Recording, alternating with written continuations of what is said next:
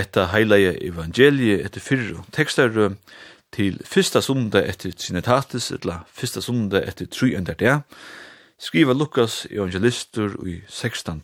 kapitlet. Men det var en rykur mevur, og han kladde seg i skarlak og fynas av loin, og levde kvøndia og i fagnai og gøggate. Og det var en fatekur nevntur Lazarus, som var lagtur fyrir dyrhansarra, fotler i svarun, og han troa i etter at mettast av målanon, som fotler av båren til hinnon ryga. Men eisne hundanir kom og slekt og svar hans herra, så bær oa, at din fata ikkje døye, og han vær av englenon båren i feng og Abrahams, og hin rujtje døye, vi, og får til grevar. Og tøy han let eie søgne oppe i Helheime, her som han var i Pyno, ser han Abraham lengt bostur og Lazarus i fengje hans herra. Og han råpa i seie, Feir Abraham, miskunna mer, og send Lazarus er at han kan drepa itsta lien av fingresynun i vatten og svela tungemyna, tog at det pynes rævliga og hesson loa. Men Abraham seie, minst du til, sonur, at du hev nått tøyt gåa med at lute, og Lazarus av samme hatt hitt ønta. Men nu verur han oppgaver her, og to pynest. Og omframt alt hetta er middelen okkara og tikkara stafest eit oførst dype til tess at hei som vilja færre hiane iver til tikkara ikkje skulle kunna, og at hei hiane ikkje heldur skulle færre hiar til okkara. Men han sier, så bi etter fægir at du vil senda han i fægirsmunds hus, tog at jeg eier fem brøvor til tess, at han kan bæra vittne for teimun, så at heir ikkje vi skulle koma og henta pyn og sted. Men Abraham sier, teir av Moses og profetanar, luje teir og teir. Men han sier, nei, feir Abraham, men hei onkur fra hin deio komme til teirra, ta mundu teir vent om. Men han sier vi han, luje teir ikkje av Moses og profetanar, Ta måned der heldig ikkje teka etter om onkur reis opp fra deion. Søvan om Hesaboar, mennenar, ryga mannen og neierdyre Lazarus, er til vi kunne kalla ein fera søva. Gusse ta kan onkur spyrja, var det ikkje Jesus sjálfur som fortalte hana? Jo, det er verda sjálfande, men her er jeg ikkje gløyma samanhangen hun er fortalt ui. Beint åren hissa søvna, og i samme kapitlet til Lukas, hever Jesus fortalt luktelse om den lyderlesa hushalderen. Det var han som nyerskriva i skuldna til taimon som skilta av honom pening. Farisierne som sambart Lukas var pengakærer menn, for etter hetta er halda Jesus fyrir spott, skriver Lukas. Ta er det at Jesus fyrir a fortelle hisa søvna om ryga mann og Lazarus, som var velkjent mittlen Egyptar og Jøtar, lengt åren til nekka som et kristendommer. Søvan etla moralren er jo bygd opp så at ånden kan ivast, til goa vinnur at enda, tan fata ikkje fært til han hever oppebore. Men som sagt er dagsens predikotekster en søva som var kjent lengt åren kristendommeren hei finnje fotafeste. Og så kunne vi spyrja hvordan ber det til at Jesus forteller henne.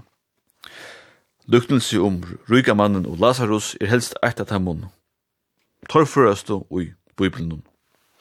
Hon er som så lyte, kristelig, tog hun nevner først god feir etla Jesus sjølvan. Men kjenner vi til Jesus rett, pleier han ikkje at undervise okkur i samfunnsfrøye, først i hesen løyvnun og enn minne hinemegin, men han forteller okkur søvur som hava eit poeng. Til dømes nøyr luknelse om tan borstevilsa sonen, si ikkje om at hava arvar at ta i tøyene, luknelse om tottlaran og farsiaran, snur seg ikkje om gos tempelet var innratta, etla luknelse om tan miskunsama samaribigvan, snur seg ikkje om helseverskje, etla hotellfasiliteter i Israel ta i tøyene.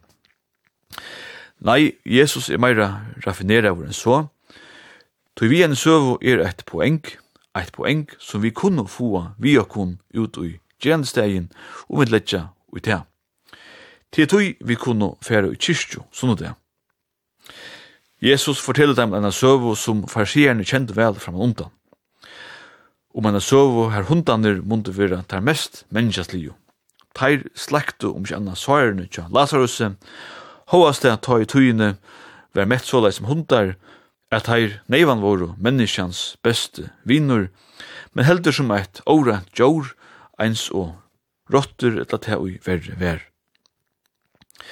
Ta særlig vi lukkelsen nun og det er at vi møtta tveimun monnun, her er vi tøyra navnet tja øron tarra.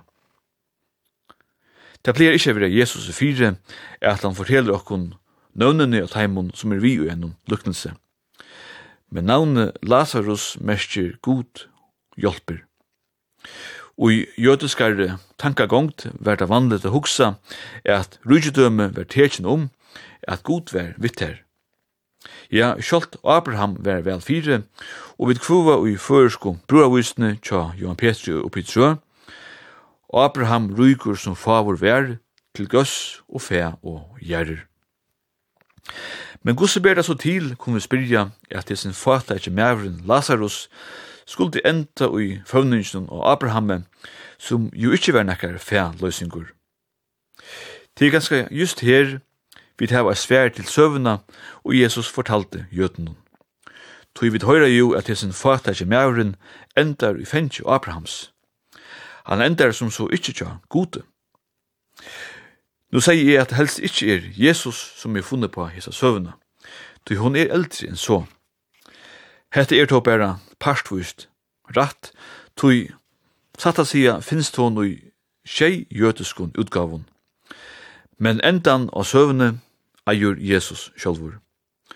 Tog mitt i sine pynu i helheime kjemur tog ryka mannen til hux, er at han eier fem badjar, og han byr om at onkur skal venta fra dem deio og bia teir venta om. Men ta er det at Abraham sverar at om det ikkje luja av Moses og profetanar, munno det heller ikkje luja nekran som kjemmer attur fra dem deio. Her har vi på enkje tja Jesus kunne vi sia, og som så er ikkje nekka nytt under solene.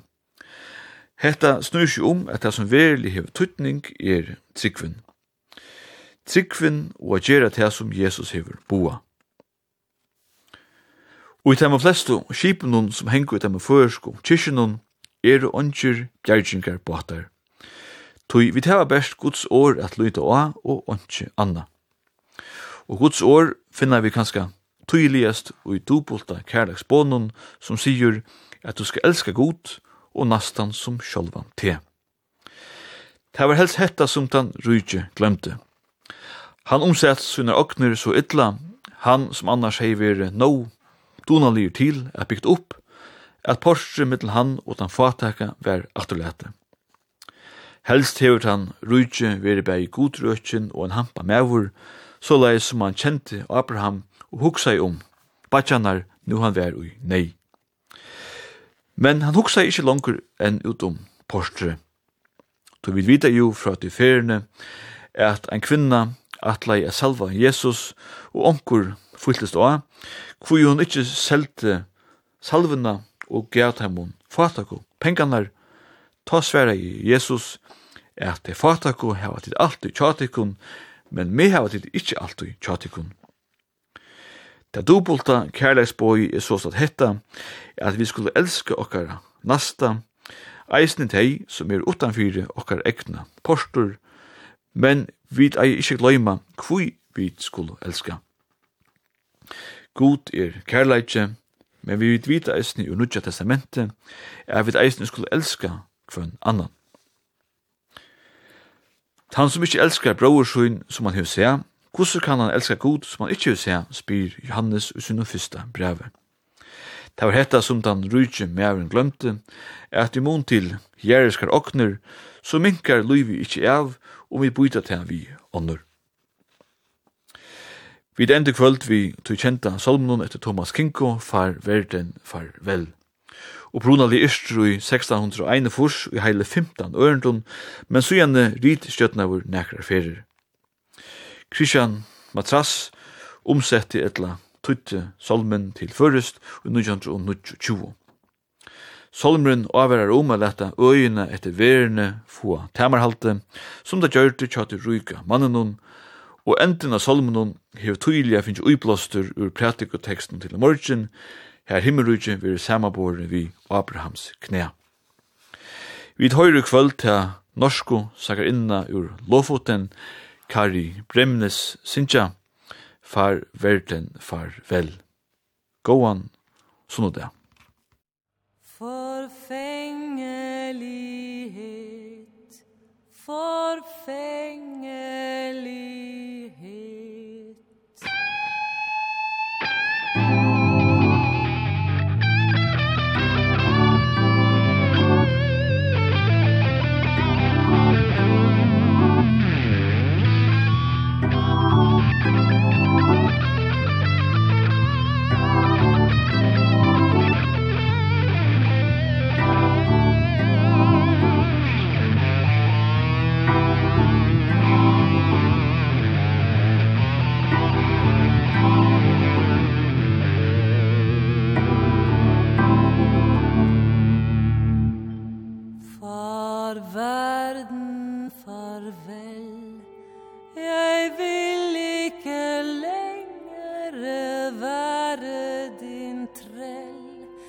De byrder du veltet meg mange fold på.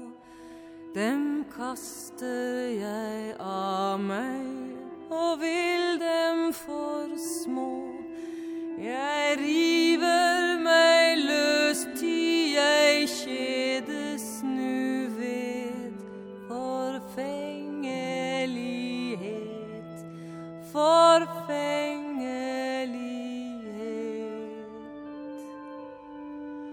Vad är det väl allt som världen så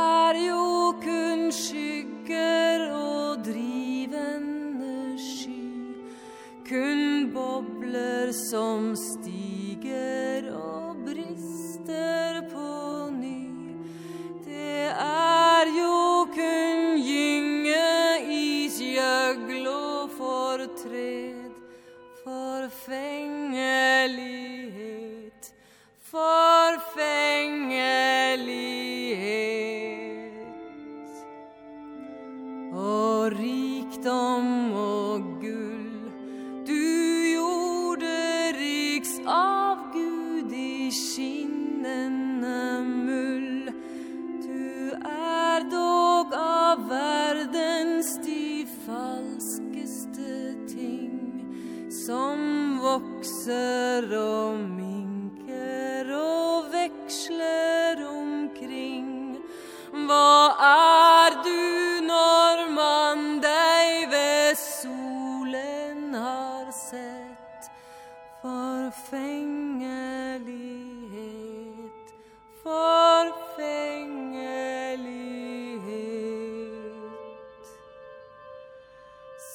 og far da farvel. Du skal ikke mere bedrage min sjel. Du dårende verden jeg sier deg av Og senker deg ned i forglemmelsens hav. Jeg lengter trøstes for sorger og savn i frelserens favn i frelserens favn. Der skal mine år